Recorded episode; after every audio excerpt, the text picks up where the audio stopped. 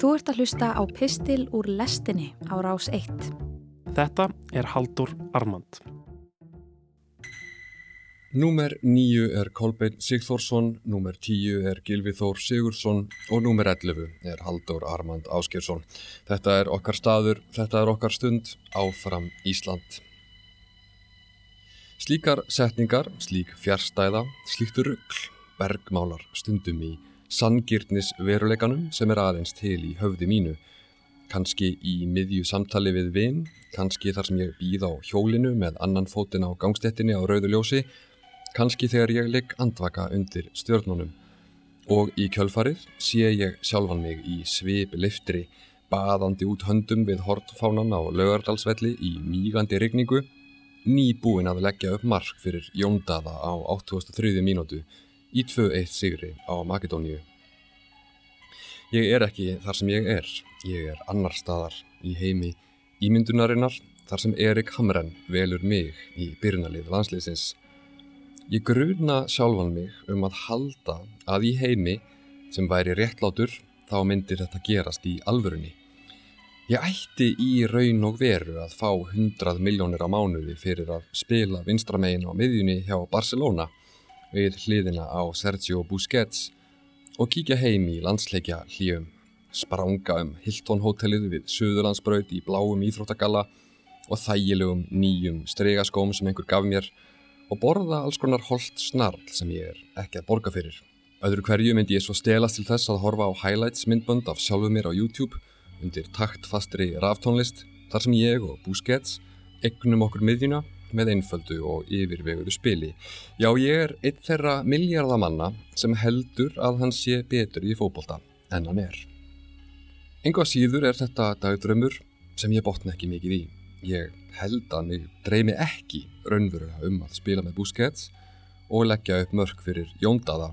Þetta er bara eitthvað sem byrtist öðru hverju í höfðu mínu eins og hver önnur vittlösa í sjónvarpi sem flakkar bilað milli stöðva. Þótt ég hafi spilað fókbólta alla mína æfi, var þetta aldrei alveg mitt. Ekki þannig séð. Ég hafði meiri áhuga á fánýtri umgjörð og hégóma leiksins.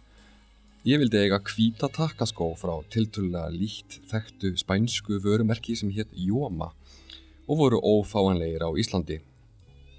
Argentíski leikstjórnandin Fernando Redondo var minn maður, fyrst og fremst af því að mér fannst hann svo konunglegur á velli.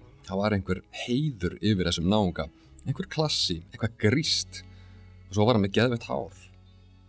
En satt best að segja þóldi ég eiginlega ekki fókbalta, jafnvel þótt ég væri alltaf að spila hann. Það var gaman að sparka út á skólalóð og ekki síst þegar aðstæður voru sem verstar, til dæmisir. Það var ekki margt sem jafnast á við það að gefa típu sendingar í snjó, en að keppa í fókbalta fannst mér martröð. Það fylgti mig ugg og óta. Það var ofið mikið af hálfutum í þessu sporti. Leikinnir voru púra villimenska og árásakirni sem höfðu hér um bíl ekkert með lógík og leikgleði að gera og ekki bara inn á vellinum. Ég sá einu sinni þjálfara brjóta hurð af reyði þegar við vorum 2-1 undir á móti skaganum í hálfleik. Við vorum 11 ára gamlir ef ég maður rétt. Ég man líka eftir þeirri indislegu tilfinningu sem fylgdi því að fá yfir sig heift og skammir fullorins manns fyrir það að hafa ekki hent sér blind í mögulega ökla brottstæklingu á móti strák sem var á allt öðrum stað í líkamstróska en maður sjálfur og öruglega 20 kílóum þingri. Ó, þegar einfeldni og mannvonsku er saldrað í ófrjóan jarðveg dyrsko fórtfísi. Ekki get ég sagt að ég sakni bolta veraldar æskuminnar.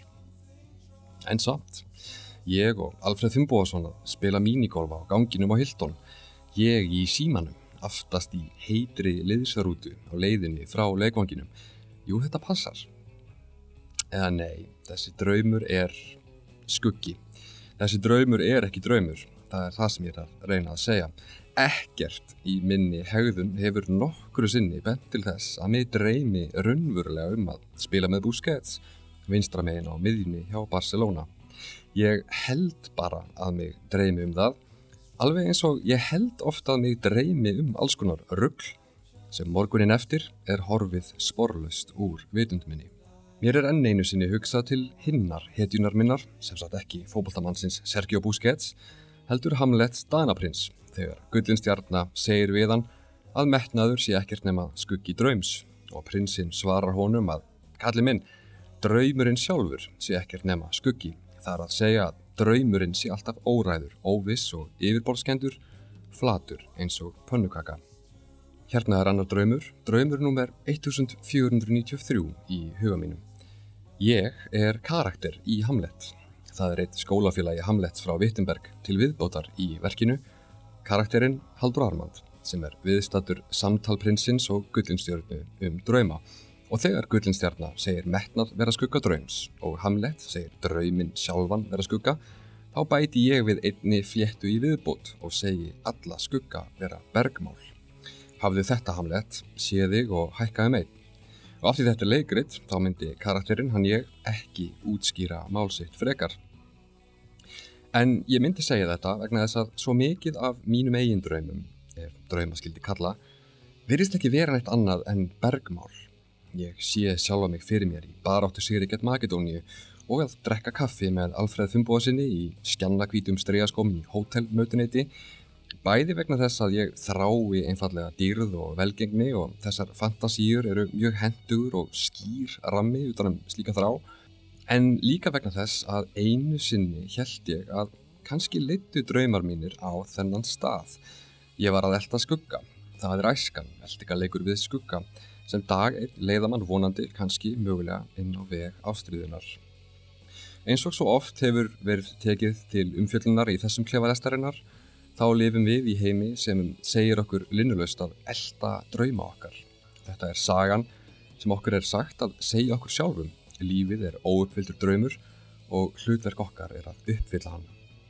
En draumar eru villandi. Þeir eru yfirborskendir, fljótandi, þeir eru hættulegir svika eðli draumsins er, að ég held, uppspretta mikillar ángistar. Samfélagið segir mér að elda drauma mína en ég skil ekki hvað mér dreymir og mér dreymir ekki bara ólíka hluti dag frá degi, heldur dreymir mig líka um að upplifa hluti sem mér dreymir ekki um í raun. Mér dreymir drauma sem er ekki draumar.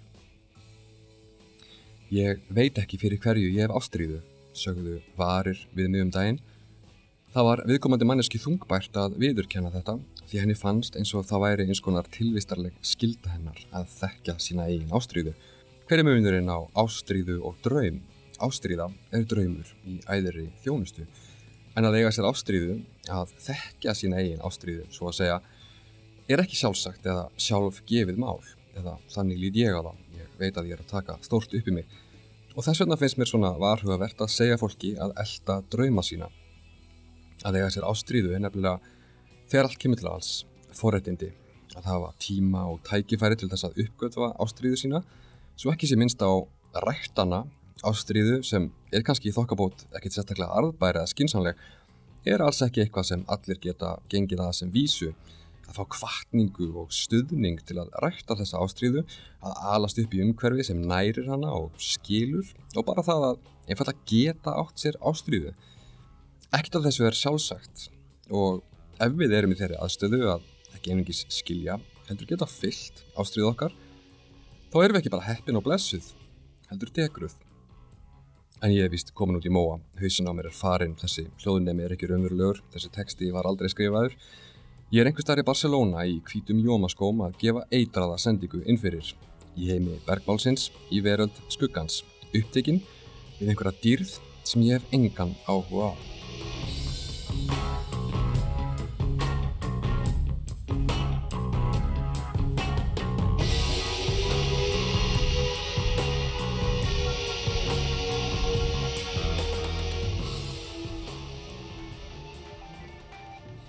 Þú varst að hlusta á Haldur Armand, nýr pistill frá Halduri, hljómar á hverjum þriðu degim í lestinni á Rás 1. Ef þú fílaðir þennan pistil og vilt heyra meira, getur gerst áskrifandi að lestinni hér í hlaðvarpsappinu þínu. Rás 1 fyrir forveitna.